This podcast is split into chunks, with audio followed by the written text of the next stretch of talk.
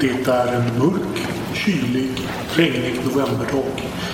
Du vandrar genom leran mot kungens stora tält. Du öppnar tältet och stiger in. Det är fler än du som har blivit kallade till detta möte. Dignitärerna i tältet småpratar med varandra. Ingen bryr sig om dig. Kungen reser sig från sin stol och får hjälp av sin adjutant att påkalla allas uppmärksamhet. Ja, alla tycks vara samlade.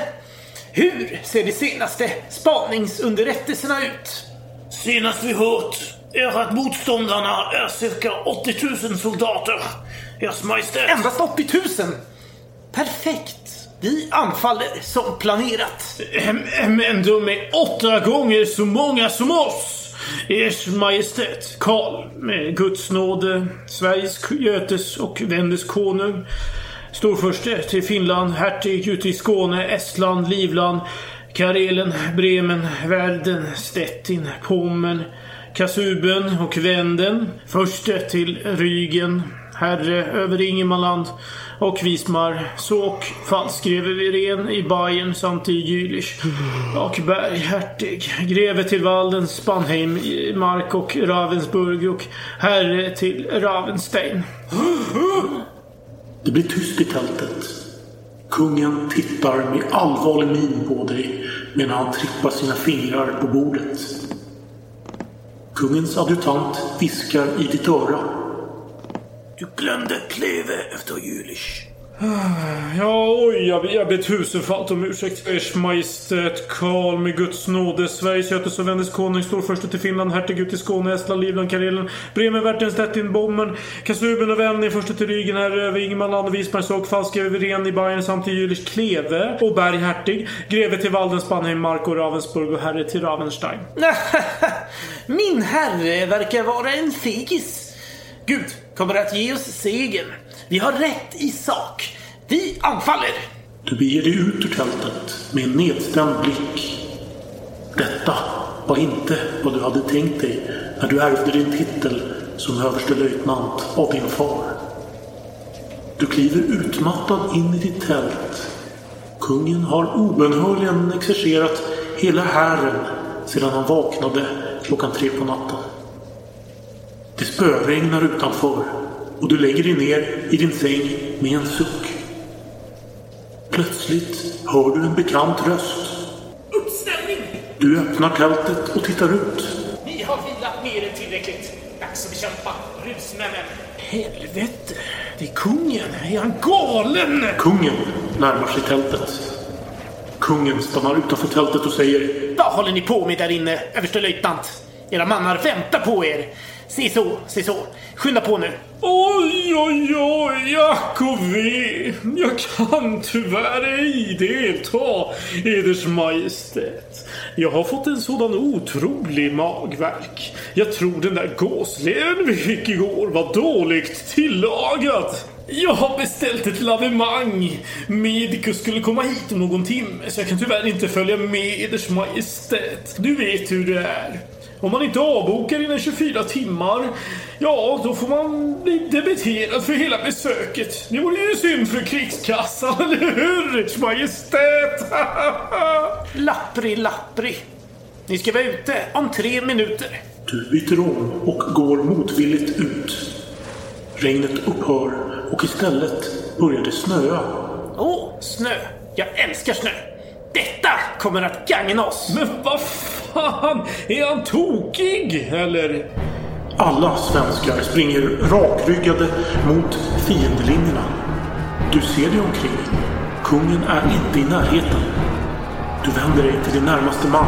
Förmannarna framåt. Ni får under inga omständigheter vända om. Jag kommer ifatt er snart.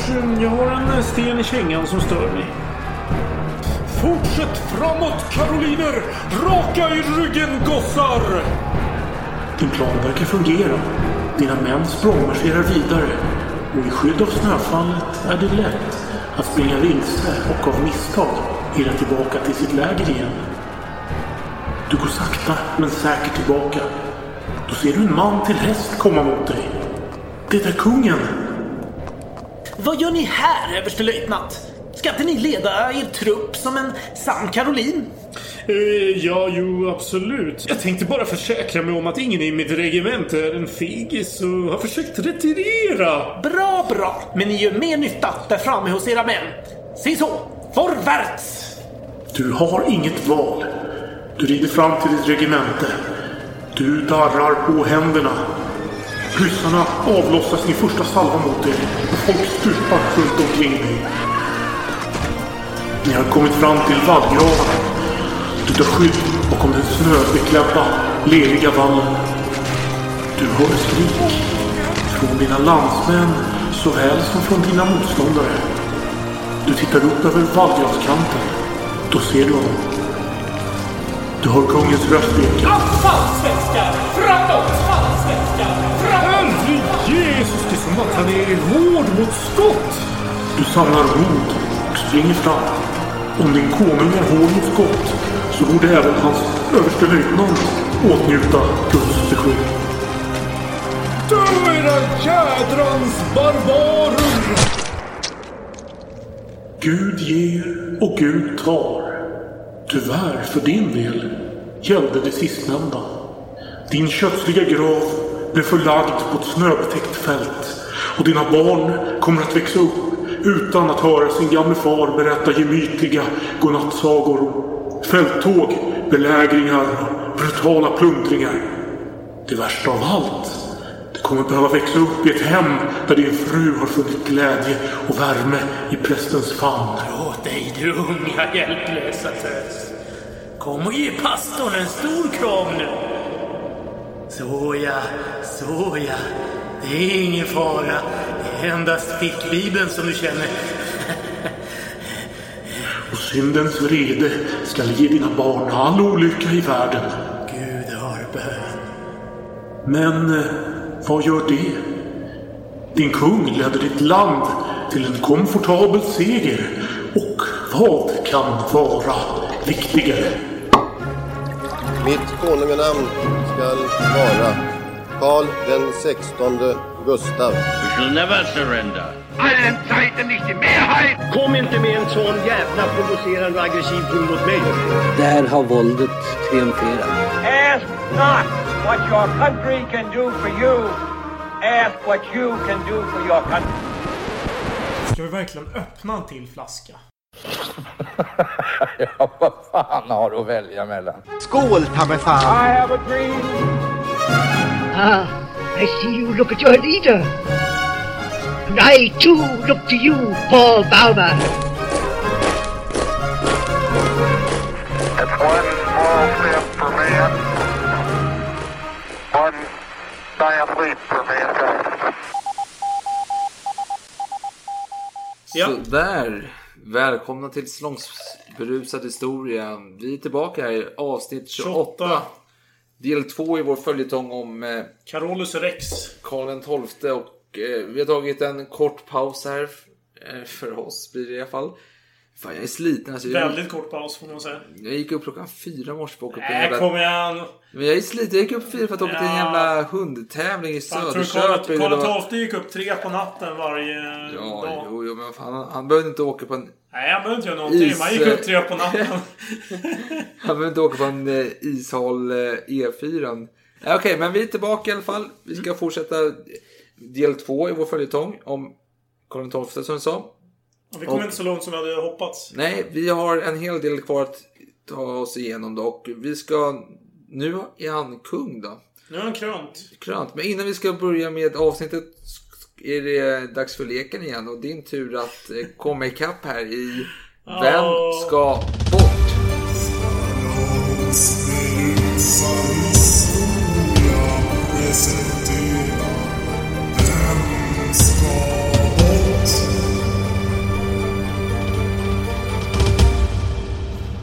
Okej, är du redo? Jag är redo. Fan, jag är vin och öl här. Det är lite jobbigt. Vilket... Jag kan ta din öl. Är Nej, okej. nej, jag dricker upp vin först. Ja. Och jag har också vin här. Helvete. Ja, ja. Jag har samma problem som du. Ja. Först ut. Alltså förlåt, den är ganska... Nej, en elak igen. Den Alltså. är elak fast den är väldigt enkel och den borde inte ens... Den, är, den är förnedrande mot mig, den är så enkel. Är det det du säger? Nej, nej, den är svår men jag kommer ge dig ledtrådar så den är ganska Ja. enkel. Men Okej. samtidigt borde, inte den, borde den inte gill, alltså, tillåtas för den är för dålig. Vi gör så här, vi, vi gör ett undantagstillstånd där. Ah, okej. Jag börjar med Ja. Bartomelius Mettlinger. Mhm. Det säger typ ingenting till dig förstår jag. Nej. nej, nej det skulle du inte göra. Mettling, nej. Nej, jag kan beskriva lite mer sen. Mm. Axel von Fersen, Mm. Vilken av dem? Den yngre. Okej. Sen har vi Viab Viak. Veb Viak. Sa Ja, du? Viab Viak. Veb Viak. Ja. Sen har vi Mohenjo Daro. Ja, du ser. Okej. Detta, Ja, detta var inte snällt alltså.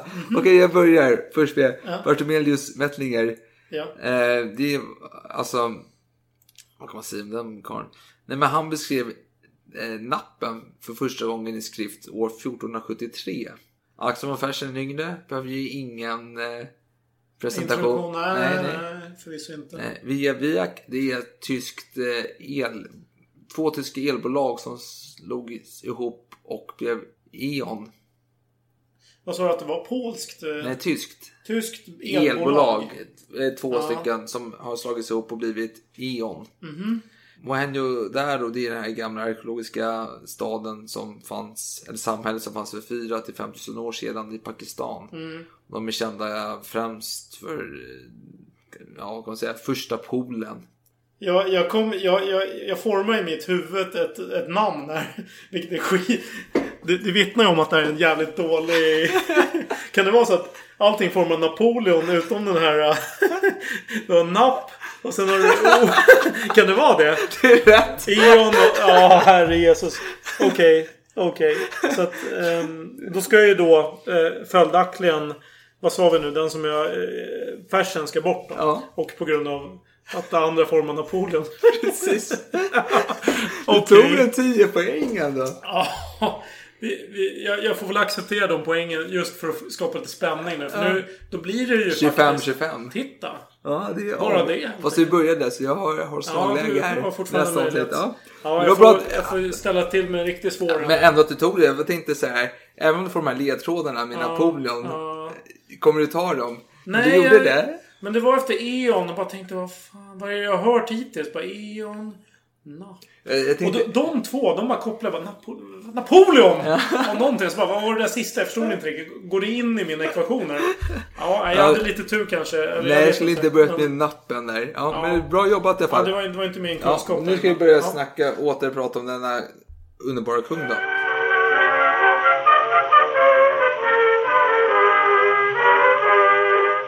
Ja, men när man är kung då, då måste man ju ha lite folk runt omkring sig. Och vissa höjs och vissa sänks. De som har varit i salig kungs glans försvinner. Andra som har varit förvisso i salig kungs glans men i skiktet under höjs ännu mer. En sådan är Karl Piper. Kanske mer känd i dagens samhälle för en löpsedel och ett mord också i Gamla stan. Men eh, på den här tiden var Karl Piper en eh, toppenaffärsman som levde gott under salig kungstid. Men Karl XII utnämnde Piper till statsråd. Han fick ta hand om inrikesfrågorna och eh, Karl höjde då Piper till greve. Mm. Och Piper, Fin titel. ja, Piper, Piper som inte gillade högadeln gjorde allt för att bli av med dem på sitt lilla egna sätt. Och en som han lyckades bli av med det var Nils Bjelke som var alltså hjälten från Lund 1676. Det var ett litet missförstånd mellan Bjelke och eh, Karl XII som han spädde på. Vilket blev en dödsdom då till Oj. slut. Vilket kungen var tvungen att ta tillbaka för han insåg att han hade gått lite för långt. Men han blev förvisad i alla. Vilken balansakt det måste vara Ja. adelsman på den här tiden. Ja. Och, men vad är då skillnaden mellan nu? För nu är ändå Karl XII kung. Så du kommer jämföra honom med sin far. Och vad är skillnaden då? Jo, en samtida tycker säger så här. Fadern var häftig och förhetsade ofta vid motsägelser, men lät sedermera tala vid sig och tog skäl. Sonen däremot står orubbligt lugn och avhör tåligt allt vad som honom invändes, men upprepar därefter bestämt vad han från början andragit och säger Sådan är min vilja och därvid blir det. Ja, Man, man får ju till hans försvar säga att det är en fin egenskap att lyssna. Som man gör. Om, man nu, om man nu lyssnar eller bara väntar på att pratet snacka, är klart så att han kan säga sitt. det låter jag vara osagt. Men en kung måste ha en fru. Och man måste gifta sig.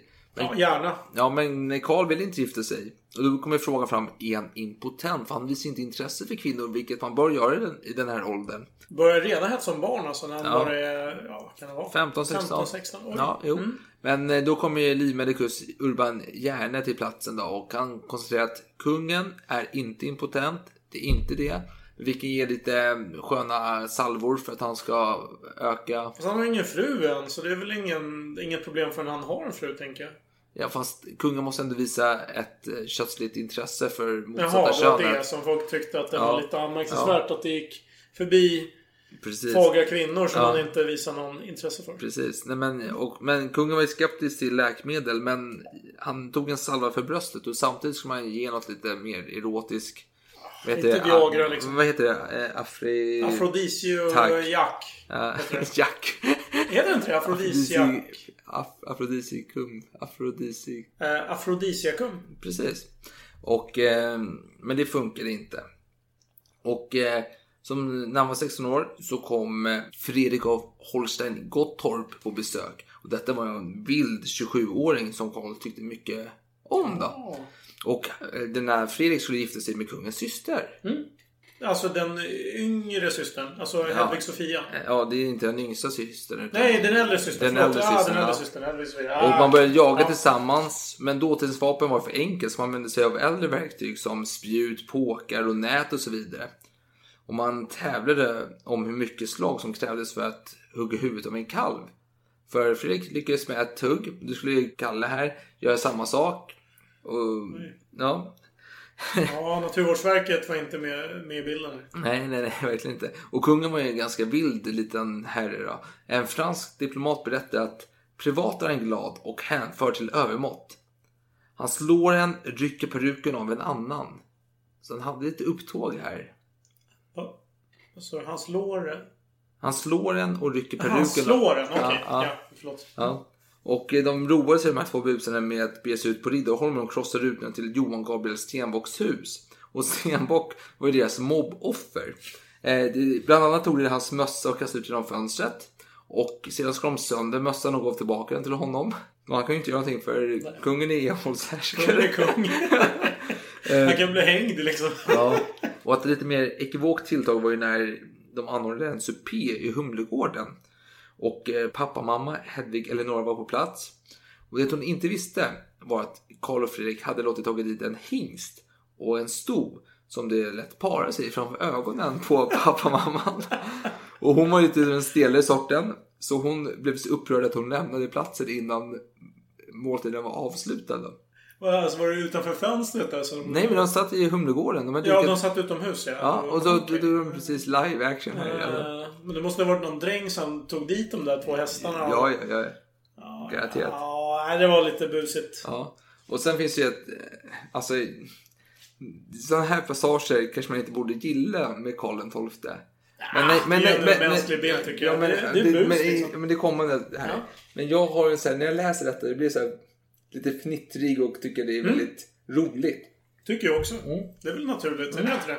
Jo, för det var så här, när rådsherre Lars Wallenstedt påpekade eh, en förkunnelse att eh, undersåtar är mycket berövade över det nattliga buller som hålls på gator och de fruktar att eders majestät torde därvid råka i någon olycka.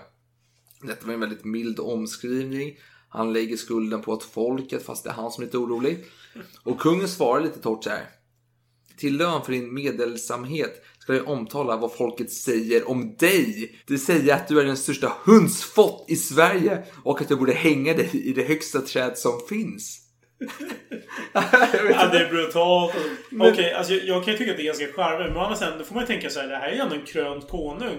Jo, det men- gör det hela lite jobbigare faktiskt. Jo, hur han lyckas liksom att göra det för att... Ja, ja, Men, han, han är han- skicklig. Han, eh, säger- han, säger, han säger inte det själv, utan det är folket som säger han det. skicklig. Fast han vänder, alltså... Ja, jag, jag tänker på vår nuvarande påve. Ja, ja. Som väldigt skickligt vände en intervju mot honom. Eh, på ett mycket bra Johannes sätt. Paulus vad var det? Ja. Ja, eh, jo precis. Det var så att eh, han blev ju då eh, förfrågad om någon så här känslig, känslig fråga om kanske kvinnliga präster eller någonting sånt där. Och, och då hade han sagt så här. Jo, men som den helige Johannes Paulus den andre har föreskrivit så är det så, så, är det så här. Och jag, jag, jag vill inte... eh, du, det- Johannes Paulus är helig för guds Ja, han är helig så det, det är hans ord liksom. Jag, Ja. jag bara följer hans ord. Det är ju ett väldigt fint sätt liksom. Man sig undan. ansvar. Ja, exakt. Om man pekar på någon auktoritet. Jo. Eh, Ja, Men nu pekar han inte på en auktoritet. Ja, han nej. pekar på folket men ändå att det var ett ja, ganska, ganska vass comeback. Väldigt vass, men ganska elak comeback. Ja, väldigt elak. Men, Hundsfott för guds skull. Det är inte fint. Det är inte fint. Och vill ni veta vad hundsfott betyder så lyssnar ni på avsnittet om skytt och drake. Där går vi igenom den saken. Men i alla fall då. Karl var ju fortfarande, eller fortfarande, han var ju väldigt intresserad utav vad som skedde i Frankrike och Versaillesslottet. Och han slösade pengar i mängder. Alltså det, han tog, Mm. Ludvig XIV var ju fortfarande vid liv. Ja. Och han tog hit franska teatergrupper och nöjen och så vidare. Mm. Och han som tog- sig bör, som sig bör. Mellan... Men han gillar inte franska. Ska vi gå in på det igen? Nej, eller? vi tar det senare. Nej, okej. Men vad, under sex månader så slösade, eller tog han ut en miljon dollar silvermynt och spenderade. Mm. Det är en ganska kraftig summa för ett halvår. Och han eh, var jävligt skojfrisk mot sina betjänter också, eller sina kammarparser. När han bar en bricka med mat, eller när en av parserna bar en bricka med mat rättare sagt. Så slog Karl ut den i händerna på honom och skrattade gott. Det var skitroligt liksom. Mm. Jävligt, jävligt bra. Mhm. Och en gång så sprätte han eh, körsbärskärnor i ögat på sin fars. Och tyckte det var jävligt roligt. Och han fästade hårt med gänget och det var Falkenberg och Gyldenstolpe och så vidare. Och de eh, gjorde en tävling där man skulle hugga ett äpple med någon kniv. Om man misslyckades var man tvungen att svepa ett glas med vitt vin med socker i. Och detta var humor enligt eh, kungen. Okej, det här låter lite som en sån här bratfest kanske. Ja men verkligen. Det, ja, men det är hans tid här, hans vilda år här. Mm. Och, eh, en gång var han ute på Mälaren på en båt. Det var krigsövning. Man skulle göra sjöslag. I en båt bredvid, en jolle, satt eh, Arvid Horn. Kommer återkomma senare i berättelsen. Och, Just det. Ja, och de hade, Horn. ja, de hade vattenpistoler som sköt med varandra, vattenkanoner. Och Kalle började skjuta Horn med sin vattenspruta och eh, jol- jollen blev så vattenfylld så den sjönk. Så hon simmade i vattnet där emellan och låg och plaskade. Och, Han var ju inte greve vid den här tiden. För Nej. det var ju Karl XII som upphöjde honom. Flera gånger. Han var ju militär. Ja, men fortsätt. ja, precis. Mm. Och Karl, eh, han kan ju inte simma. Men han frågar så här, ja, är det svårt att simma? Och hon vet ju hur han ska trigga Kalle här. Så han säger, ja, jo det är svårt för den som är rädd. Och säger man något sånt till Karl, då hoppar han i vattnet direkt. Och han kan inte simma, så han håller på att drunkna här. Så Arvid Horn måste ju rädda honom. Det här låter precis som det Voltaire säger. Just det här med att om man kan locka med ära och så då, då, och heder, då kan man få honom att göra vad som helst. Så det känns som att det är ganska lätt att manipulera. Ja, jo, det är ganska bra poäng av Voltaire. Och eh, kanske ett av de mest kända upptågen är när de bjudit in en tam björn till aftonmåltid. Björnen drack 2,6 liter rött vin och blev smått salongsberusad. Minst sagt. Och det slutade då med att björnen sprang upp på vinden och hoppade ut genom fönstret och föll ner på borggården och bröt sin rygg och dog tre dagar senare. Det är bara fantastiskt att björnen överlevde i tre dagar. Men, ja. Jag tycker fantastiskt att någon annan överlevde. alltså med måltid med en björn som går runt och super och, och har det fina Ja, maneret ja. att hoppa ut genom fönstret istället för att äta upp alla i Nej, men, och detta är den här delen i Karl den historia som gör mig lite så här. Vad fan? När han hans behandling utav djur. Men han höll inte bara på med sådana här bus och eh, ungdomsfylla liksom. Utan han var ju ändå väldigt ambitiös i sitt regeringsarbete och eh, han var rättvis i, i biblisk mening i alla fall. I alla fall när det kommer till bedömning utav brottsmål. Och eh, vid ett fall av hor, där det fanns förmildrande omständigheter, försökte folk förmå kungen att mildra domen då. Och, som kungen hade gett dödsstraff till då. Med motiveringen att i andra kristna länder är det praxis att inte göra det. Och vi har inte gjort det i Sverige på en bra tid. Men eh, Karl svarade då att Guds lag säger att både horkaren och horkonan bör dö. Men han kunde dock gå med på att eh, horkaren skulle bli arkebuserad istället. för hängd. Det var lite... Snällt av honom. Ja. Jaha, så det var så illa alltså? Han lät döda dem? Ja, men han, samtidigt så hade han ju andra fina, alltså det var ett par som skulle gifta sig men inte fick tillåtelse, sprang iväg och gifte sig och han var ju väldigt förstående för detta och tyckte att mannen hade bestämt sig för att han skulle gifta sig med frun och han och hans föräldrar kan inte neka honom det. Han är ju vuxen karl och han hade ändå ganska fina sidor också. pragmatiskt men hade ändå fått en uppfostran att Bibeln är lag. Ja, det här absolut. är jätteviktigt. Ja, men Ja, då, då absolut, gick han efter absolut, det. Absolut. Men eh, allt är inte bara fest och skoj. För framförallt utanför rikets gränser. Där gror ju en eh, irritation över Sverige och dess kontroll över Östersjön. Och dels är det tsar Peter den store och Karls båda kusiner August den starke av Polen och Kurfürst av Sachsen och Fredrik den fjärde av Danmark. Och de var jävligt missnöjda med verkligheten. Eh, dessa tre snubbar då, de snackade ihop sig om man skulle attackera Sverige. Förlåt, det var tre snubbar. Det, även om det låter som att det kanske var fyra så är ju han som var kurfurst av Sachsen är ju samma kille som... Som August, ja. Ja. Stark av Polen. Ja, precis. Jag ville bara förtydliga ja, det. Jättebra att du gjorde det. Och Peter den store av Ryssland, han ville till och med avskaffa monarkin i Sverige och införa republik då det är mindre farliga för sina grannar, ansåg han. Och man delade upp områden mellan sig. Och nu, vi glömde säga det i förra avsnittet, men vi hade ju faktiskt en liten Instagram-inlägg. Där det var någonting om att 12 flaskor vin är starkare, är bättre än en stor stark. Det var en ledtråd till vad det skulle handla om, men eh, lösningen har ni här ju. En stor stark dansk. Det är alltså Peter den store, August den starke, ja, och dansk, det är Fredrik den fjärde. En dansk jävel. Precis, nu föll polletten ner hos er. Du är lite skeptisk i den Ja, här, jag. nej, ja, men du får jätte... Var övertydlig nu. Ja. Med, med denna. Ja. Alltså, vadå, övertid med bilden eller med Så beskrivningen? att ko- en 12... Vad sa du nu igen? 12? Flaskor vin. ja. Det är alltså Karl XII. Ja, och vinet är en... Ja, men det är ja, men alltså vin är godare än öl. Och Ja, okej. eh, Karl XII drack mycket franskt vin. Och, vilket vi hade i bilden. Ja, hittills kanske. Ja. Okej. Ja. Jo, precis. Ja, right. och, eh, Och- och och, än Carlsberg är en eh, stor, stark Stor danska. stark köper jag. Ja. Ja. Då är det stor Peter Store och så stark. August den starke Men då och sen kanske- men- ölen är danska. För en Peter kanske noterar att i bilden hade vi två flaskor Bernadotte längst fram. Och undrar vad det är för koppling till eh, Ja. Karl XII. Det är så här att Karl XIIs tolk när han är i Turkiet hette Jean Baptiste i förnamn. Långsökt. Ganska. Ganska. Men så är det i alla fall. Ja, ja. Men det var bra att det fanns någon koppling. Ja, precis. Vi fortsätter. Ja, men i alla fall. Men, eh, och detta rykte började sprida sig till Sverige och eh, ja, man trodde inte riktigt på detta. Det är otänkbart. Skulle mina kusiner anfalla mig? Och Peter, varför skulle han anfalla mig för? Mm. Det fanns ju skäl till det. Ehm, Nej. Jo! Jo, men inte Enligt ja, men inte Ja, enligt ja. Karl. Nej, nej, okej. Det fanns inget skäl till detta. Nej, nej. Så han skickade ju en, en skickning till Moskva. På, jag tror det var typ 120 man då. Som skulle bekräfta den eviga freden mellan de två länderna. Och Peter fick en massa dyrbara gåvor och så vidare. Och några månader senare kom man överens om att bekräfta avtalet. Men Peter ville inte kryssa korset efter att han hade skrivit under. Och eh, svenska beskickningen vågade inte ifrågasätta Peter den store. Vi har ju ett avsnitt, Mord vid hovet, där vi pratat om Peter. Då. Apropå, ja. Ja, att man kanske inte vill ifrågasätta Precis. Vissa första. Precis. Och han påstod att, vadå, jag, vadå? Jag bekräftade den när jag satte mig på tronen här förut. Alltså, jag behöver inte- om Bara bara genom att vifta med min hand så bekräftar jag det. Ja, precis. jag Ja, skriva under? ja, nej, nej, det är skitsamma. Nej. Ja.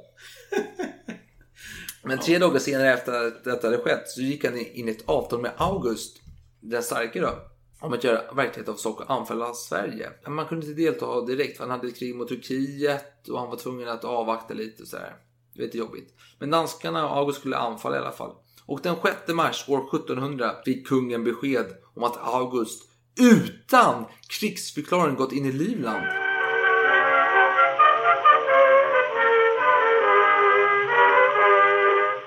Och kungen grät och var arg, upprörd. Grät till och med. Nej, inte alls. Han log och sa Vi ska snart få konung August att återvända samma väg som han kommit. och 14 dagar senare kom besked om att även danskarna gått in i Holstein Gottorp. Alltså det är där hans svåger blir va? Ja, precis. De har ju en relation där, svenska kungahuset och eh, hertigdömet Holstein. Mm. Just att eh, Karl XIIs äldre syster blir det.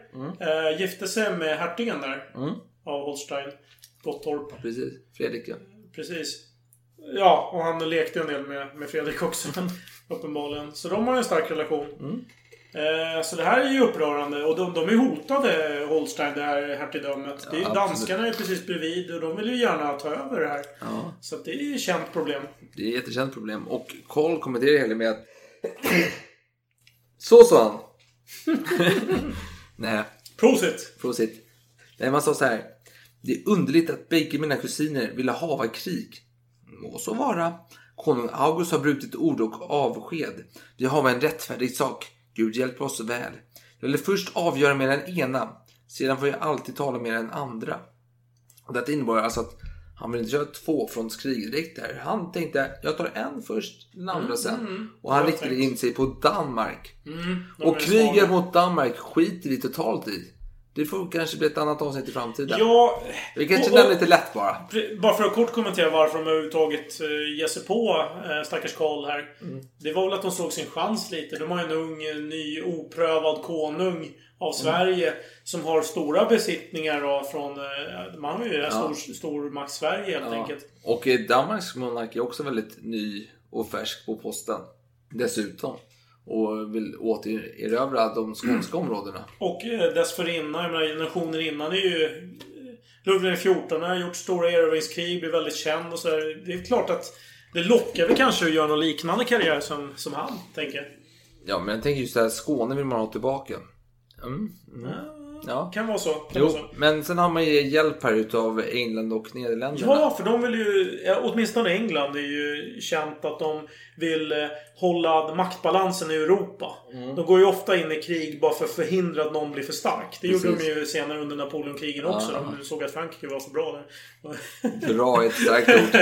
ja, ja. Hur som helst. Så de går ju in då och hjälper Sverige mot alla dessa furstar som försöker ta över deras eh, land och slita dem i stycken. De såg att Karl XII var den svaga pjäsen här. Ja. Så de går in tillsammans med holländarna.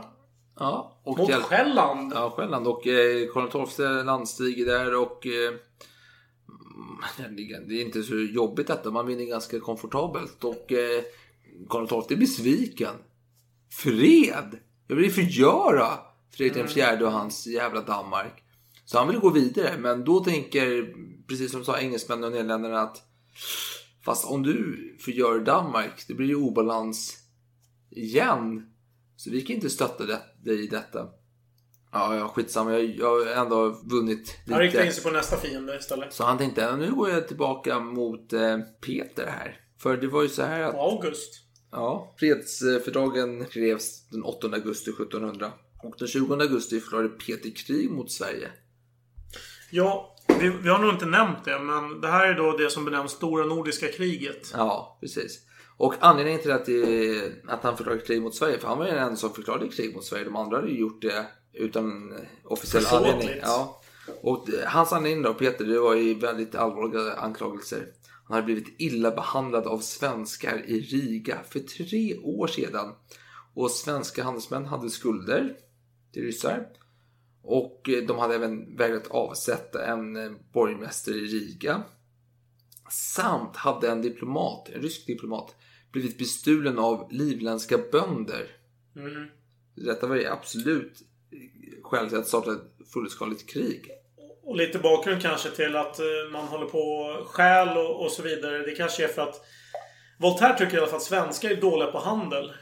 Mm. Så, att, så att det svenska folket är utarmat. De har vissa eh, vet du, Nej, men- förtjänstfulla Nu egenskaper. måste jag Just- börja fråga vad Ja. Voltaire menar. Svenska folket, är det då livländer och Jag sånt tror- eller är det... Jag tror väl kanske att han menar dem också. Nu är det några hundra år för sent där för att jag ska kunna fråga honom. Men... Nej, men det är väl framförallt hur man styr Sverige och man har helt enkelt inte rätt system på plats när det gäller just handel. Enligt Voltaire så, så skapar man den här riksbanken just av, av tvång egentligen. Det var ingenting... Man var inte moderna för sin tid utan det var nödvändighet. För att man låg så illa till liksom. Ja, jag vet ja, inte. ja. men det, Nej, det, men det- jag har Voltaire. inte satt mig in i den Nej, biten. Det är bara Voltaires. Jag, jag, jag talar för Voltaire Ja. kan man säga. Men nu i alla fall med krigsförklaringen slog Ryssland mot Narva och eh, Narva förs försvarades av eh, 1400 män. Ja, Eh, jo, fl- fl- garnison, det finns några skånska regementen här och eh, bland annat där finns en 80-åriga Börge Eriksson från Ystad. Och även den finländska Thomas Mårtensson som är 85 år gamla. Vilket låter gammalt, men Mm. Jämfört ja. med Jean Turel som var i franska armén på 1800-talet och Just det. 1700-talet. Så är det inte... Klassiker. Honom måste vi ta i ett avsnitt. Ja, ja jo precis. Det är verkligen utanför det Ja, jo men där har vi en gammal soldat. Ja, ja, ja, i alla fall enligt vissa uppgifter. Ja, Ja, jo, det är ifrågasatta. Ja. Men den 26 oktober kom i alla fall Karl XII till, till rival och fick ta emot eh, fredsbud från August. För August blev lite nervig här liksom. Mm. Oj. Men icke så icke. Och eh, kungen visste vad han skulle. Han skulle emot eh, Peter här och fixa det som hände vid Narva här. Och ryssarna hade ju bränt marken väster om Narva och förhindrat svenskar att de skulle kunna få livsmedel och sånt. Mm, brända jordens Ja, taktik. precis. Klassiker. Ja. Och den 13 november började Karl den 12 sin marsch mot Narva då, och trots att han saknade 2000 män som inte hade anslutit till gruppen. Då. Men eh, ryssarna var överlägsna till antal. Ja, 30 000 man va? Ja, jo, men vissa siffror som nämndes för Karl XII vid den tiden då, var Mm. att de var 80 000 man stark. Här. Så 80 000? 80 000. 80? Ja. Okej. Och samt var inte svenskarna vinterutrustade. Och rådgivarna började avråda Karl. Men Karl hade bestämt sig. Och vädret var hemskt, det blåste och regnade, det var jäkligt. Jag och, älskar Karl. ja, åkrarna var leriga och maten var Åh, slut. underbart. Ja, Ingen mat. Lerigt. Precis. Fantastiskt. Ja, underbart. Fantastiskt. Det här är en foch alltså. Ja, ja absolut. Om man säger, det finns mycket att nämna om slaget vid Narva och jag tänker inte att vi ska vara här för länge. Vi tar breda penslar här. Men eh, så den 19 november fick Peter den stora besked om att svenskarna närmade sig. Han fick hastigt och lustigt eh, nog eh, för sig att han skulle lämna Narva och bege sig för att ta emot en stor turkisk delegation som var på väg till Moskva. Och denna delegation kom då i verkligheten fyra år efter detta då. Men Ja. det är en annan sak. Jag blir lite förvånad över att de skickar överhuvudtaget människor dit till. Moskva. Vi kommer Ja. säkert in på det sen när vi pratar om Bender. Och han gav befälet till den erfarna flamländska officeren Croy. Då. Eller Croy. Croy. Croy. Croy. Croy. Croy. Croy. Croy. Croy. Kör Croy. Låter Croy låter hårt alltså. Jag, jag Ja, gillar det. Låter som en NHL-spelare på 80-talet. Jag, jag gillar det. ja, men svenskarna de kom i alla fall med 30 000 soldater, trodde ryssarna. För det var en siffra de hade fått från en infångad svensk eh, major som hade spridit falska rykten. Då. Mm, ja, han var bra alltså. Och morgonen den 20 november formerade sig svenskarna. De fäste halm med hattarna och fältropet med Guds hjälp spreds. Och svenskarna försökte få ut ryssarna på eh, öppet slagfält här. Och man sköt två kanonsalvor men ryssarna kom inte fram. Så en av Karl XIIs män, Rensköld då, rådde Karl till att storma. Och soldaterna tillverkade fasciner för att kunna ta sig över vallgravarna som eh, ryssarna hade grävt. Och planen var ju att bryta ryssarnas linje vid två ställen och sen rulla ihop dem då. Och ryssarna var då i verkligheten 35 000 och svenskarna var 10,5 000 så man mot varandra. Då. Så, så ja, de var alltså tre gånger större än svenskarna, nästan. Och fler rådgivare försökte få kungen att tänka om. Men kungen svarade att i krig kommer segern från Gud och han kan lika lätt givet åt till få som åt till många. Mm. Det är någonting som... eh, Ett karaktärsdrag som eh, Voltaire också får fram av Karl XII. Just att han eh, är väldigt inställd på det här fatalistiska. Att han ödet är förutbestämt. Ja. Han, han kan bara... Han bara kör på. Han vet att eh, om Gud vill att han ska segra, då gör han det. Ja. Och eh, vill Gud att han ska dö, ja, då Ja. gör han väl det. Ja, Det är inte precis. så mycket. Det är bara att köra på. Bra Volter, du har fått det rätt. Och klockan eh, två på eftermiddagen var det dags. Och precis när man skulle anfalla började det snöa kraftigt. Och rådgivarna bara, men fan vi måste ställa in festen här. Det går inte, vi kan inte anfalla nu. Det snöar för kraftigt. Och kungen svarade att vi har mer gagn än skada därav. Och vilket han hade helt rätt i för snön blåste i ryssarnas ansikte och ryssarna upptäckte inte svenskarna förrän de var cirka 30 meter ifrån dem. Och svenskarna stormade och var rasande och, och istället för att tillfångata ryssarna som hade gett upp då så slaktade man dem för ryssar var ju barbarer i svenskarnas ögon. Men, men i Voltaires ögon var det svenskarna som var barbarer som avrättade Ja, fångar. och det är ganska rimlig tolkning måste jag säga. Och en del av ryssarna försökte fly över en bro som skulle ta dem över Narvafloden. Då. Men det blev så många problem att bron eh, brast och de föll i floden och drunknade då, för det var ju kallt vatten och så vidare. Kungen då, han hade varit med i fronten och gjort en lyckad insats men red ner i ett kärr och fastnade med eh, ena stöveln och svärdet. Två finska soldater fick bära upp honom. Men då hade han ju tappat stöveln och svärdet. Så med honom var Axel Hård och han fick låna ut sin ena stövel till Karl XII. Och ett svärd fixade man snabbt åt honom och man red vidare och in i kampen här. då. Och eh, ryssarna försökte fly och var desperata och ta sig över floden Joala. Som inte hade en bro. Dry- Drygt tusen ryska ryttare drunknade i denna manöver. Eh, och eh, ryssarna var ju ganska värdelösa generellt sett kan man ju säga. Ja, och det instämmer Voltaire med. Att de är, de är barbarer, de, de kan ingenting om krigföring Ja, heller. Så, vänta nu. Så enligt Voltaire är de barbarer nu? Ja, ryssarna är barbarer, absolut. Vid den här tiden. Eh, Den enda som inte är Och barbar... svenskar. Ja, svenskarna är bara... Ja, kanske inte just... Han, kritiserar inte svenskarna just för slag vid Narva, utan ett senare slag. Ja, jo. Där Rensköld avrättar Ja, jo. många fångar. Jo, vi kommer dit sen. Men, Ja. men han, han kallar ju det barbari, när man bara avrättar fångar som har gett upp. Ja, jo, men det gjorde ju svenskarna här. Mm. Men ryssarna hade ändå en elitgrupp som vägrade ge sig och de samlades och gav hårt motstånd. Och Karl XII var ju högst delaktig och hans häst blev träffad av en kanonkula och dog. Det började bli mörkt och eh, förvirrat här på fältslaget och Livgardet råkade attackera Dalaregementet. Och det hela upphörde den eh, trum, trummis här då. Trumslaget spelade en svensk marsch och man insåg sitt misstag. Och klockan eh, sju på kvällen så blåste trumperaren eld upphörde på kungens order. Och den ena herren hade börjat plundra och berusa sig in i ryska lägret. Så det var, kungen tänkte att vi, stannar här. Det är, det är vet, vet, som när kungen stänger klockan ett liksom. En Han, har lärt sig av de här Ja. svinerierna Ja, med Fredrik. Precis. Och, eh, och de ryskarna, de var inte heller så jäkla heliga. De hade ju börjat anfalla sina egna officerare. Då de ansåg att dessa utlänningar hade svikit dem. Så de ryska officerarna gick ju till svenskarna och gav upp. Alltså istället för att vara kvar med sina män då. Och eh, klockan åtta på kvällen kapitulerade rysk, ryssarnas högerflygel. Och efter ett tag så även den, väst, eller den vänstra då. Dagen därpå när de marscherade som snopna fångar så blev de ju väldigt besvikna för de fick ju se svenska soldaterna och såg att detta, alltså var det bara så här få? Man var ju ändå tre gånger så många ryssar som svenskar så det kan man förstå och sammanfattningsvis var det ju 8000 ryssar som hade dödats eller sårats och 700 svenskar hade dött och 1200 sårats. Så det är ändå, så det är, ja, det är Mm. ganska bra. Och detta, alltså en sån här stor seger kan man inte låta vara. Man måste ju, man måste ju punga ut nyheterna. Ja, Pum, ja. punga, vad säger jag? Pumpa ut nyheterna. Man visar sig lagerkrans. Ja, precis. Ja, det, men det är en stor propagandakanal här och en dansk diplomat skriver att detta var den mest djärva, mest lyckosamma och bäst ledda striden i världen. Och, och eh, i Paris då, vad gör folket på gatan där? De går runt och ropar Vive le, le roi Charles! ja. Ja. Ja, ja man, man håller ihop här. Monarkierna tydligen. Nej, men eh, Ja. Frankrike är ju sedan tidigare en gammal allierad till Sverige. Absolut. Och eh, ryssarna, Peter, han, eh, han tänkte att detta kan ju skada mitt rike. Så han eh, införde en form av censur när han förbjöd all nyheter att komma in i landet. Om detta nederlag. Men det är som en nutida Ryssland. det är också censur.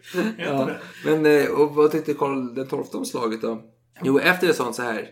Ryssarna är inte ett lust att slåss med, medan det inte ett stå som andra utan det bara flyr.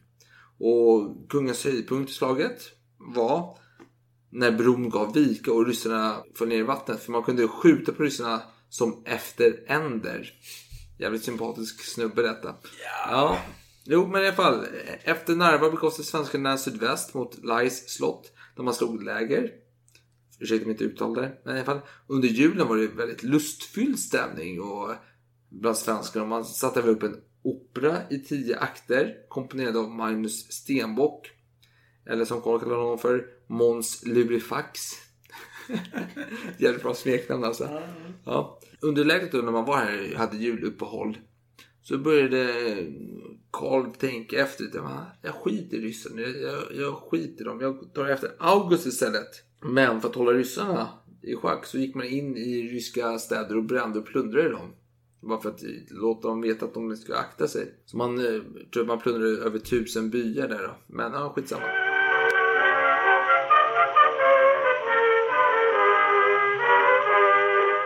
Nej men i alla fall, på sin 19 födelsedag 1701 så begav man sig vidare mot Riga med 18 000 soldater.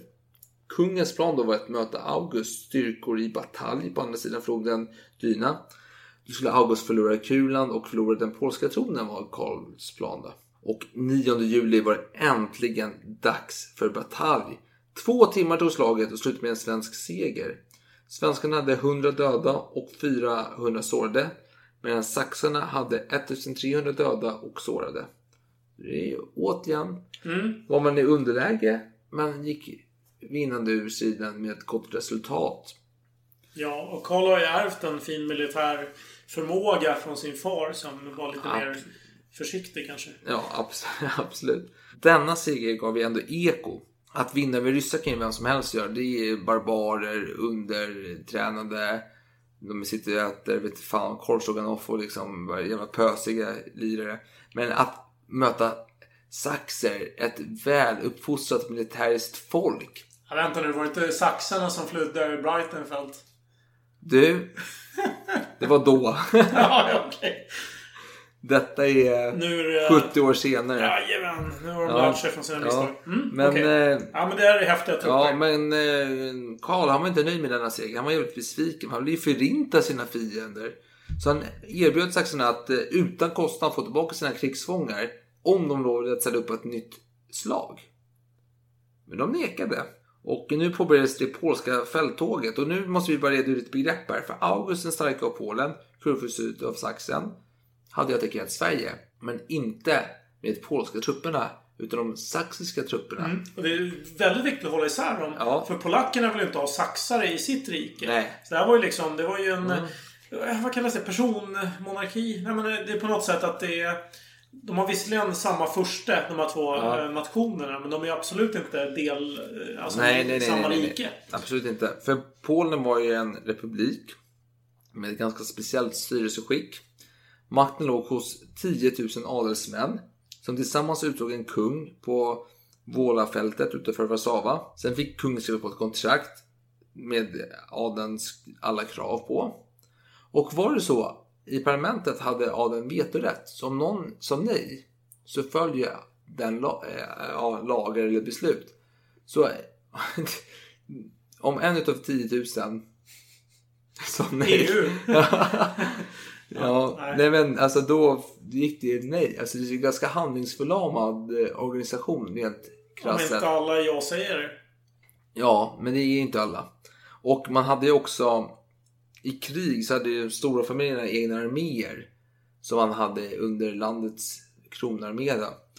Och dock så hade man rätt att om man inte var, med, om man inte var nöjd med läget så kunde man ju dra sig ur fält när man ville. Så mitt under slag kunde man säga men fan, nej, nej, nej, min familj ska inte delta i detta. Vi, vi åker hem, ni får klara er själva, så lämnar vi en trupp här liksom. Men det, det var ganska problematiskt för polackerna. Ett slags feodal, feodalsamhälle. Mm. Och Karl fick då ett eh, brev från polska representanter där det hoppades att han skulle värdera deras vänskap och att de önskade att- att han skulle skriva en eh, deklaration där han försäkrade att han inte skulle gå in i Polen för att ta August. Och det gick ju Karl med på. Absolut inte. Alltså, då har vi inte framstått som rädd. Nej, vadå? Försöker du tala om för mig vad jag inte får göra? Nej, så han, så han svarade att han fick gå in i vilket land han ville för att hitta sin motståndare. Mm. Men han tänkte avsätta August och kunde hjälpa polackerna med detta. Han är en rättshaverist. Ja, han tänkte "Nej, jag kan hjälpa er med att avsätta er kung. Putin vill hjälpa ukrainarna och kasta bort de här ukrainarna från Krim. ja, äh, modern jämförelse. Fortsätt. Men Karl visade att det fanns områden i Polen där man inte var så nöjd med August. Så han började elda på dessa, om, dessa krafter i Polen. Och få fram en egen... Mutbara personer. Ja, och få fram en, någon kandidat man kunde lita på. Någon kungakandidat där. Ja, ja, men i alla fall. Kungen eh, Karl XII, han eh, gick med sina, sina trupper och marscherade in mot Warszawa. Han sket de här polackerna. Och polackerna skickade en massa sändebud för att förhandla med med kungen då. Det var ju fruktlösa förhandlingar. Men under tiden dessa förhandlingar var så hade August lyckats fly från Warszawa mot Krakow istället. Och han lyckades få med sig den polska kronarmén under sitt befäl. Han lyckades övertala de här polska adelsmännen om det för att de skulle försvara sig mot svenskarna. För de hade någon stående armé, fast de var egentligen inte underlydda... Alltså de lydde inte under kungen utan under de här råden. Ja, precis. Men det var en kronarmé. Så... Ja, de kallar det kanske kronarmén. Ja. Mm. Men Karl började jaga efter August här med sin här och den 9 juli 1702 var det dags igen vid Kilsov. Och eh, 12 000 soldater och fyra kanoner hade svenskarna. De mötte 16 000 soldater och 46 artilleripjäser från saxarna. Och saxarna skulle snart få förstärkning av kronarmén som var i antågande. De För den måste ju ändå samlas och marschera lite. Och Karl var ju som, såklart i främre leden. Och en samtida källa beskrev det så det här. Så hade han, när han satt för sin armé till häst och drog sin varje ut, en helt annan min än i det andra sitt umgänge. Ja, en min som var nästan övernaturlig att inplanta kurage och lust att fäkta. Ja, hos dem som man skulle hålla för det modstulnaste. Och kungen själv ansåg ju att eh, svenskar behövde en kung som var längst fram och hejade på dem. För svenskar var ju flegmatiska. Och man behövde ha någon som... Eh, alltså, svenskar var inte aggressiva av naturen. De är ganska milda sinneslag. Så man behövde någon kung där som var framme och hetsade upp ivern här i dem. Och svenskar var ju lite speciella då. För man var ju inte rädd för fiendekulor. Var man inte? Nej, för man behövde inte ducka för fiendens eld. Nähä. För man sa att ingen kula träffar människan utan Guds vilja. Antingen man går rätter eller luta. Det var intressant propaganda. Ja, jo, men det var väl så svenska armén var uppbyggd. Och Gustav II Adolf, han blev i och för sig nedstucken, men jag menar... Trodde de där soldaterna på det? Ja, varför inte? För om vi säger så här, Karl XII han hade ju varit nära döden flera gånger. Slag vid Nerva, en kula som var nära att... Sant, sant. Han blev ju kanske mer stärkt i sin uppfattning ju... Ja, ju mer det lider liksom. Ja. Och eftersom att man alltid stod i underläge och alltid vann. Men det var ju alltid folk som dog i slagen. Det borde ju soldaterna ha sett också. Jo men vadå, du vann ju fortfarande. Jo, visst. Visst. Alltså, Men den enda som var säker var ju kungen. Han var inte säker, han var ju Nej, längst fram. men- Han var ju längst fram i Men om man trodde på kungens eh, tankar där Jo kring, men man eh, menar ju att Gud hade sin plan för mig. Dör jag så dör jo, jag. Men då tänker soldaterna att ja, okej, kungen kommer överleva för han är ju så viktig och så vidare. Men jag är ju bara skit i sammanhanget så att... Ja man var ju accepterade sin roll. Ja, ja, Ja, okej. ja, ja. Ja. Men i alla fall, Karl, man kan säga mycket om Kalle då, men han var mån om att kunskap skulle styra om en officer var bra och inte deras börd. Mm, jag är lite eh, upplysningsman där. Och eh, en, en det var ju väldigt konstigt sagt men... Ja, du, ni förstår vad jag menar. Mm. Och en eh, Carl Gustav Oxenstierna då, som var barnbarnsbarn till en, ja, till the real deal då, om vi säger så. The real OG. och han klagade på att han ens var korpral. Och Karl Piper, han tog, han pratade med kungen om detta ärende då. Och, ja, och kungen svarade då att om en sådan ung adelsman blivit genast överofficerare så är han ovettig mot gemene man. Men när han själv för något litet tjänar för gemen, göra vakt, stå utpost, då läder han vad gemene man likar och blir därigenom hövligare. Och apropå det du säger där så påstår i alla fall Voltaire att eh, den här Peter den store, han hette Peter Alexovich, någonting sånt. Eh, han ska då enligt Voltaire ha liksom börjat som menig i sin egen armé. Och liksom jobbat sig upp i rank. Det, det är vad han själv säger. Ja. Jag vet inte om det där stämmer överhuvudtaget men det, det låter ju ändå ganska trevligt. Älskvärt. Ja, ja, absolut. Och så kom- jag arbetar sig upp ända, hela vägen till upp till. Ja, men nu skiter jag i det. För Ja. nu är det bataljen mellan Mm. svenskar och saxar. Och eh, svenskarna står uppställda. Och precis när de, står uppställda så kommer kronarmén till saxernas hjälp då, med 8000 mans förstärkning. Och det är ett hårt slag och eh, svenskarna går vinnande ur detta slag då. Och klockan fem på eftermiddagen spelar svenska musikanter en trevlig melodi och Karl kommer in så här, tågande i saxernas läger och eh, tar en andaktsstund och tackar Gud för segern och bege sig iväg för att äta middag. Och detta var ett sorgligt slag. För det visade sig att Karls gamla trogne supkompis Fredrik av Holstein Gottorp hade stupat under detta slag. Det var jävligt sorgligt. Och det var inte bara han som hade stupat utan 300 man från svenska sidan hade stupat och 600 man hade sårats. Men saxarna, de hade 2000 döda och sårade samt 1700 krigsfångar. Så ja, Karl tog inte åt sig äran för denna seger. Vem fick äran? Gud. Självklart, självklart, självklart. Men efter slaget så gick eh, svenska armén till mot Krakow där han inledde förhandling med August. Men Karl kunde inte lita på honom riktigt. Han tänkte att om jag går i... Vinterläger? Av, om jag skriver ett avtal här med August. Ja. Ja, Ja, kommer han attackera mig i, i ryggen sen när jag går mot Ryssland. Jag kan inte lita på denna muskulösa man. Och eh, så han var inte riktigt säker här om han ville göra någonting med August. Nej, men hatar väl August? Ja, det ju- är den uppfattningen jag får. Med all rätta skulle jag vilja säga. Han vill, dö, han vill sänka honom. Porslin all ära, men August är inte trevlig alltså. Han är jävligt otäck. Men under den här Krakow-vistelsen så Måns Lurifax då, gamla Stenbock då. Han skojade lite med Karl. Så han, han skoj attackerade Karl när, med 200 man. Och Karl bara hoho, fan vad skoj. Hoppade upp på hästen och skulle göra motattack. Men då snubblade hästen på ett tält och eh, ramlade och Karl hamnade under hästen och bröt lårbenet. Och eh, det läkte dock aldrig ordentligt. Så hans en, ena lårben blev 3 cm kortare än det andra. Så han började halta resten av sitt liv. Men men, så kan det gå när man är kung. Så det var en slags övning där. Ja, ja, övning var ju inte, det var skoj. Det var det var ett skämt. Jo, men, men det är inte så skoj när någon, någon tar fram en jävla gevär och skjuter någon i huvudet. Då är det inte skoj längre. Så, man må, det så gjorde man inte, det var ju, lite mer... Jo, det var det jag tänkte. Man måste förstå att det är en övning. Alltså, ja, inte men de sitter ju lite med varandra. Men 200 man och sådär. Det måste ju vara en, lite större Ja. projekt. Men sen så skriver kungen hem ett brev.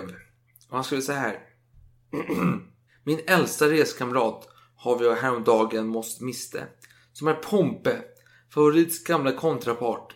Som afton rådde sig frisk och morgon låg död i min säng. Och vem är då denna Pompe som låg i kungens säng?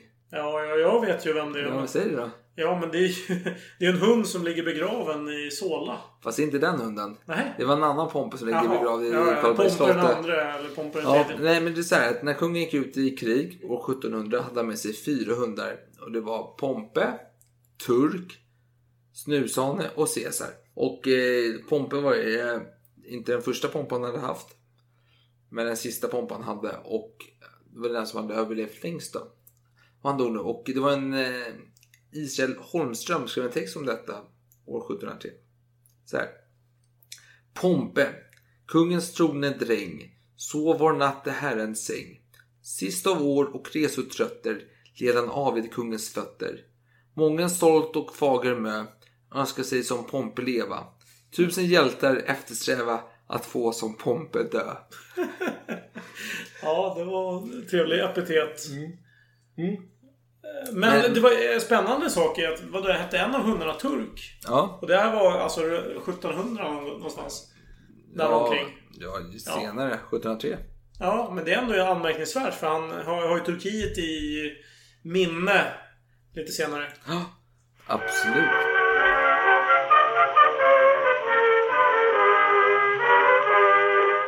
Ja, nej men eh, under tiden Karl var i Polen och härjat så hade ju Peter, den store slickat såren, börjat försöka erövra områden.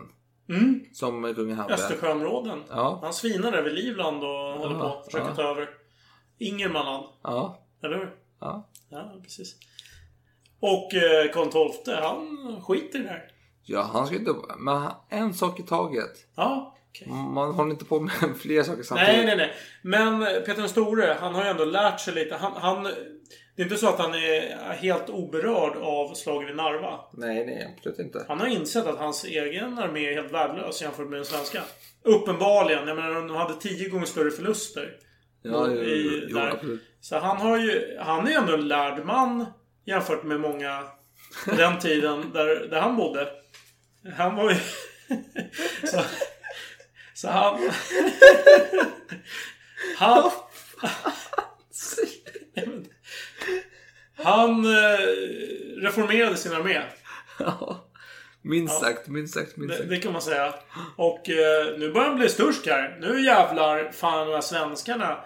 Nej, men nu ska vi hämnas lite grann. Nu tar vi över lite, alltså i Finland. Där någonstans, alltså Östersjöområdet där. Ja. Jag försöker härja lite och gärna skaffa lite mark där nära havet. Det är trevligt. Så man kan börja bygga en flotta senare. Precis, ja, ja. börjar han hålla på och gräva och, och ha handelsrutter framförallt. Precis, precis. Och det här är lite periferin för Karl XII. Han har ju stort rike. Ja. Det här är ju inte... Ja, fast Nej, parferi är väl kanske jag tar i, men det är inte hans prio. Fan, Ah, det är inte Stockholm. Nej, fast Stockholm är en ganska dålig punkt jämfört med de här städerna. Det som är viktigt för eh, Karl XII är ju att rätt ska vara rätt. August har ju fan gått och försökt stympa Karl XII här. Nu, nu koncentrerar han sig på August. Nu är inte Peter problemet. Nej, han nu är det August. Peter. Peter, du får fan ta mina jävla eh, landområden där. Nu, just nu håller jag på med din eh, kollega här borta. Eh, Jag tar det August. sen, jag tar det sen, jag tar det Okej, jag Ja, förstår det. ja, Mm. Ja. Och sen så var han ju till och med så fräck då, Peter Stora, att han eh, började grunda en ny stad på svenskt område. Ja, som han hade erövrat. Ja, ja förvisso då. Fast inte, han hade ju inte eh, haft någon fredsförhandling och sådär och, och eh, offentligt då annekterat det nya området. Nej. Det här var ju Ingermanland, alltså det var ju svenskt territorium. Ja. Han grundlade Sankt Petersburg. Precis, det skulle vara en ganska viktig... Det, det blev en växande stad och det var ju någon slags symbol för hans makt. Så han hade sitt värjmuseum sen i framtiden. Ja, eller sitt museum för konstiga saker. Där hans intendent var en dvärg som han sedan lät stoppa upp och var en del utav museets interiör. Men det, är, det snackar vi om i avsnitt 11, är det Mordehovet. Skitsamma, skitsamma, skitsamma. Ja. Ja, men i alla fall. Nu är vi tillbaka till August här. Ja, men som sagt, August eh, har ju fullt upp med Peter. Nej, inte med Peter, Inte med Karl. Peter. Han ska åka han med Peter. Precis. Han hytter mot Ja. Karl.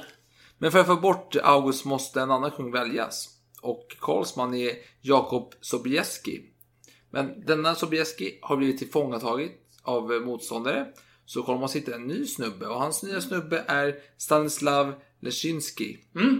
Och det är en person helt enligt hans egen smak. För han påminner väldigt mycket om han själv. Ja, det är, det är positivt. Mm. Men dock hade de en deal om att så fort eh, eh, Leszynski hade fått makten, eller fått kronan. Mm. Och sen när Sobieski skulle friges, då skulle Sobieski få kronan utav Ja, okej. eh, Leszynski. För jag vet att tanken när de möttes enligt eh, Voltaire att eh, så var ju, var ju tanken inte att Stanislav skulle bli kung. Utan han var ju bara en person som Karl XII tyckte mycket om. Och bara, ja, men det här är en bra person. Du ska bli kung. Så det var mer eller mindre Ja, man- befallning då. Ja, fast han tillhör en gammal kungafamilj. Jaha, det. Ja. Men för att bli kung i Polen måste man i alla fall väljas av 10 000 adelsmän. Och det finns, Oj, inte, finns inte en enda som får säga nej. Och eh, svenskarnas lösning var ju att eh, man hade placerat 100 smått aggressiva beväpnade soldater vid Vålafältet. Som inte var lika fullpackade som det brukade vara såklart. Då. När eh, frågan av biskopen kom om man hade accepterat Stanislav som kung skrek de svenska soldaterna Vivat Rex Stanislav! Och han blev således vald. Ja, August var lite skeptisk till detta och han hade inte riktigt accepterat det helt. Varför skulle han acceptera det? Han är ju den nuvarande kungen. Ja, precis. Nej, men... eh, Ja, han är kurförst Ja. i eh, Sachsen också. Ja, precis. Och eh, Karl då, han eh, fortsätter sin eh, Kattlik. Han fortsätter sin rått och kattlek med August. Men han avbryter den plötsligt. För han får möjligheten att eh, belägrade det fortet Lemberg. Som aldrig har intagits förut. Och Karl lyckas såklart med denna uppgift. Mm. Och och August, bara samtidigt för att kommentera det. Han har ju lite politiska problem. För han, vill, han har ju saxiska trupper som man skulle kunna använda för att försvara sig mot Karl XII. Ja. Men polackerna vill inte ha saxare i sitt land. Så han får ju förhandla med dem och bara ja okej, en liten armé kan jag kanske ta in i Polen. Det är okej. Han tar ju in mycket fler än, Ja, men än hade ju en i ett slag där, 8000 man. Ja, och det var nog eh, säkert 6000 mer än vad han fick ta in. Eller något sånt. Jag kommer inte ihåg siffrorna, Ja. men det var något sånt. Han överträdde lite sina befogenheter. Absolut. Pol- Polackerna var noga med det ja, jo, men det, det förvånar mig inte. Om de så var. Och enligt Voltaire så är polacker en annan egenskap de har är att de gärna... De, har, de, de försöker... De följer regler men de, de gör det till en, eh, en konst att eh, kringgå regler utan att, inte, utan att bryta mot dem. Okej, ja. Men vad åt då Karl på fältet? För han är, sägs ju vara väldigt eh, sparsmakad där. Mm. Nej, han åt frukost det två rätter. Oftast kyckling eller lamm. Aftonmåltid var oftast eh, soppa, en fransk variant. Eh, Oxkött, rapphöna, kalkon, fisk, änder, kastanjer och citroner som efterrätt. då. Så eh, han hade ganska... Så kalkon till efterrätt, sa du? Nej. Kastanjer och citroner till efterrätt. Ja, de, de, de två sista var efterrätt. Det andra var jag var fransk otydlig. soppa. Jag ber om. Fransk soppa och Ja, sen ja. var det oxkött, Okej. rapphöna, kalkon, Jaha, fisk, ja, änder ja, ja. och som efterrätt Ja. kastanjecitroner. Jag var otydlig. Jag ber om Ja, ja, ursäkt. ja. Jag ber om ursäkt. Ja, för mig är det viktigt. Ja. Eh, och sen att han var nykter. Det är ett rykte som har förföljt honom i Mm. all evighet. Och det är någonting jag brukar ta när jag pratar med människor. Så här, Mm. Vid samkvämsstunder jag skulle ha någon rolig historia så tar jag alltid historien om Karl XII. Mm. När han var nykter, eller hur han blev nykter enligt sägnen. För han var ju en fyllbult i sin ungdomsdag. Ja, precis. Och eh, att han var nykter, vilket det inte var, härstammar från ett rykte från en polsk greve som var i svensk tjänst. Som eh, sa att eh, en tid innan Karls pappas död skulle han på middag hos pappa och mamma, alltså Hedvig eller Nora. Men då han inte hunnit byta om från jakten som han var på innan kom han in dit blodig, jävlig och berusad. Och när han skulle resa på sig från middagen så fastnade hans ena sporre i bordsduken. Och han lyckades ta ner duken och all mat in i, eller ner på äh, pappa och mammas knä då. Som blev fly förbannad för guds skull. Och eh, hytte med hela enarmen liksom så här, nu jävlar. Dagen på möttes de.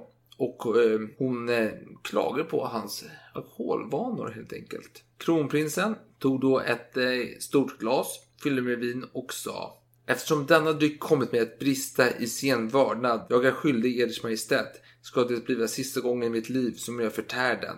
Och så svepte han hela glaset. Då. Den, men denna historia skrevs ner av polacken 1741.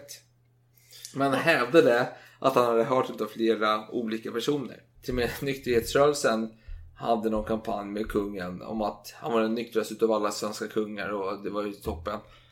Hur var han i fält och Drack han någonting? Var det lite champagne? Var det något annat? Nej, låter, alltså min känsla är väl att det inte är det, men jag, jag vet inte. Ja, i polska fältet serverades han en kanna öl på 2,6 liter till frukost. Samt vinsoppa, det vill säga en halv kanna ren eller franskt vin med uppvispade äggulor i. Ah, På kvällen, eller alltså till middag fick jag en massa vin och öl, men han hade ju alltid sällskap. Så Mm. mycket drack han, det är ju frågan. Nej, nej, nej. Men på kvällen fick han en nattbricka med en fjärdedels kanna vin och en kanna öl. Men han, det finns inga samtidiga uppgifter om att han var berusad och odräglig under tiden. Det var en måttlig, Tolerant mot... måttlig Måttlig brus. Salongsberusad konstant. Mm. Kanske. Precis, ja. Jag vet inte, vill vi associeras med det här? Jag vet inte. Jag vet inte. Nej, O- vi- oklart, vi kanske oklart. får stryka det. Men Warszawafreden blev ett faktum i alla fall 18 november 1705. Det innebar att man skulle göra gemensam sak mot ryssarna. Och August erkände dock aldrig denna fred. Eh, Men eh, svenska män, de accepterade den i alla fall och de tog mot Sachsen. Och då kan man fråga sig lite om eh, brutaliteten under det, dessa slag. För Karl XII lämnade kvar Carl Gustav Rensköld i västra Polen. Och saxarna tänkte anfalla Rensköld och hans 10 000 starka mans härda. För att kunna klämma finnen, det vill säga att man skulle ta eh, Rensköld först och så kom man i ryggen på Karl XII mot Ryssland och klämde skiten. Mm. Ja, saxarna hade 18 000 man, starka med, men det föll. De fick 4 000 döda, 7 500 fångade. Svenska förlusterna var 424 döda och 1100 sårade. Alltså, Ja, ja. det, är, det är en bra... Saxarna hade Det 10 är en gånger fler seger döda. kan Ja. man säga. Mm. Men dock, slaget vid Fraustadt är dock känt för brutalitet. Och det, jag tror det var detta som Voltaire noterade. Då. För 6000 soldater var ryssar. Och ingen skulle överleva Nej, detta. just rys, ryska fångarna. De, de dödades, som jag förstått det. Ja. Kanske inte saxarna, men de ryska fångarna De dödades dödade. allihop. Och det här, säger Voltaire, det här är barbari. Och det var det, sanningen. Och... Eh, Och, men, jag har faktiskt ett citat från Karl XII om det här. Mm. Om inte du har det? nej men kör, kör på. Quarterligen till PS så tyckes mig det mycket väl vara det som herr generalen beslutit så väl angående fångarna. Mm. Så han, det här var ju Karl XIIs smak. Han tog ju inte avstånd från det här. Nej, och eh, alltså, i alla fall han... eh, Han uppmuntrade det. Ja, han tog... Han kommenterade inte. Jo, han kommenterade. Han att- sa att det här att- var bra. Det var, det var framförallt jo, jo, att du han- avrättade han- ryssarna. Det han- var bra. Han sa inte att det var dåligt. Nej, men han sa ju uttryckligen att det här, det här. Framförallt hur ni hanterar Ja, ja. fångarna. Det var bra. Så det här ligger lite... Ja, han är lite, han är lite grym i, i känslan. Och han skrev också att det var en skarp och lustig lek som Rensköld och de brava regementena hade åtagit sig här. Men eh, nu tog man i alla fall in i Sachsen och det var dags för förhandling. De saxiska representanterna försökte få eh, Karl att kompromissa. Men Karl Piper förklarade för dem att detta är konungen, min herres vilja. Han ändrar aldrig sina beslut. Jag funderar lite för att det, känslan jag fick tidigare var i alla fall att August var huvudfienden för Karl. Men nu är helt plötsligt han väldigt grym mot ryssarna. Nej men ryss, ja fast det där är, en helt annan historia. Ryssar är alltid arvsfiender och barbarer i en. De är inte mänskliga. För när man kommer in i Sachsen, jag kommer till det snart. Jättebra att upp det. Jag kommer dit om någon minut bara. Men i alla fall, den 14 september 706 blev det sexåriga kriget mellan Sverige och Sachsen ett minne blott. Man kom fram till en fred. Och efter ett missöde där August spelat sig illa, han har ju gjort samspel med ryssarna och attackerat Sverige, svenska trupper och, ja, och så vidare. Eh, så hade de båda monarkerna, alltså Karl och August, träffats i trevliga ordalag. Till Karl, ja, detta var ju trevligt fram tills att Karl hittade ett brev där August hade lovat att hålla fast vid sitt eh, löfte mot ryssarna att bekämpa Sverige. Och Karl krävde då avbön och vägrade sedan att äta middag med August något mer. Och en trolig sidonotering är att Karl kommenterade att August var ju väldigt vältränad men lite korpulent ändå. Men eh, livet i Sachsen var ju fantastiskt trevligt tyckte de svenska soldaterna. Det var trevligt folk, trevligt landskap, trevliga bönder alltså. Ja, det är folk också såklart. Men det var inga barbarer. Inga ryssar. Nej. Och bönderna var tvungna att se till att soldaterna fick mat och dryck. Varje soldat hade rätt till 800 gram kött och 800 gram bröd, grönsaker, smör och 7 liter öl. Och många soldaterna från svenska armén, de var ju vana med lantbrukssysslor hemifrån. Så de började hjälpa de här saxiska bönderna liksom. Och det kom order från kungen att man inte fick eh, vara o- missbruka sin maktställning här mot bönder. Man var tvungen att behandla dem som medmänniskor. Det var jag läste om Voltaire också att eh, soldaterna var väldigt disciplinerade. De gick inte och brände och härjade om de inte hade fått order om det. De var Nej, nej, nej. otroligt nitiska när det gällde Ja, ja. Precis, framförallt i Sachsen där. För det var ändå vanligt för sen 1600-talet att hade man erövrat någonting då var det fritt fram och bara härja och plundra och göra vad man ville egentligen. Mm. Inte under Gustav II Adolf. Lite mer under baner, men skitsamma. Men den engelska, ambass- den engelska ambassadören beskrev kungen så här under tiden i Sachsen. Han är lång och ståtlig, men omåttligt smutsig och ovårdad. Hans uppträdande är mer ohyfsat än vad man skulle kunna vänta sig av en så pass ung man. Man har berättat för mig att byxorna ibland är så flottiga att man skulle kunna koka soppa på dem. Men när jag såg honom var det nästan nya. Han hade kort dessförinnan varit uppklädd. De begett sig för att träffa konung August drottning. Hon återkom från Leipzig. Men för att vara fin hade han tagit på sig dessa nya läderbyxor. Inte tre ord sade han till henne. Men han talade en kvart med en idiotisk dvärg som hon hade. Och sedan lämnade han henne. Du har en kille som går runt med läderbyxor och snackar med en idiotisk dvärg. Alltså, Vad är det här för någonting? Så det så här. Jaha. Mellan varje bit kött tar han ett stycke bröd och smör. Och smöret brer han på brödet med tummarna. Han sitter aldrig till bords längre än en kvart. Han äter som en häst och säger inte ett ord på hela tiden. ja, jag har en del kollegor som äter så, jag kan inte säga så mycket om det. Och sen kommer eh, Anna av England, hon skickar sin eh, främsta här, John Churchill. Känd från Blenheim då, alltså Winston Churchills förfader, till svenskarnas högkvarter. Och Churchill, han är britt, så han eh, smickrar kungen och säger Jag skulle skatta mig lycklig om jag fick göra ett par fälttåg under Eders Majestäts fanor för att inhämta vad som fattas mig i krigskonsten. Och vad svarar då Karl på detta? Ja, vad svarar han? Ingenting. Vilket gjorde att Churchill tyckte det var ett väldigt oangenämt möte. Och Winston Churchill, när han skrev sin bok om sin förfader i del 3 så var han inte så jättepositiv till Karl XII när han omnämnde honom.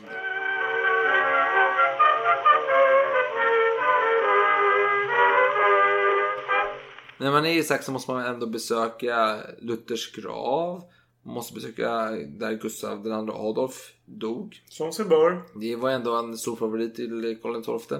Som sig bör. Absolut. Men ett problem uppstod. Enligt den Westfalska freden år 1648 så garanterade protestanter religionsfrihet i vissa områden. Mm. Detta hade nu kejsaren av Österrike brutit mot och kungen, alltså det vill säga Karl XII, var väldigt upprörd. Karl hotade till och med att ockupera detta område om inte kejsaren eh, bröt detta. Eh, med hjälp av lite medlare kom man överens om att de protestantiska rättigheterna skulle följas. Och Österrike hade försökt ge bort ett stycke mark i utbyte mot att få fortsätta förtrycka dessa men protestanter i, mm. jag kommer det hette, Schleisen, Schleisen och sånt där. Mm. Men eh, Karl vägrade.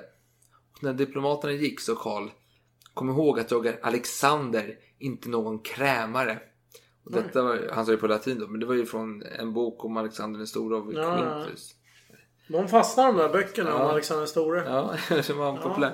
Men det är också, han får ge land här så han är inte ute efter mark. Utan Nej. det är rätten. Ja. Men nu börjar det ett stort ryskt fälttåg.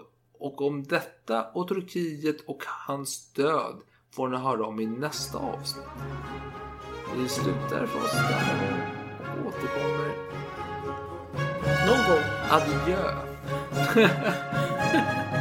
Farväl. Farväl.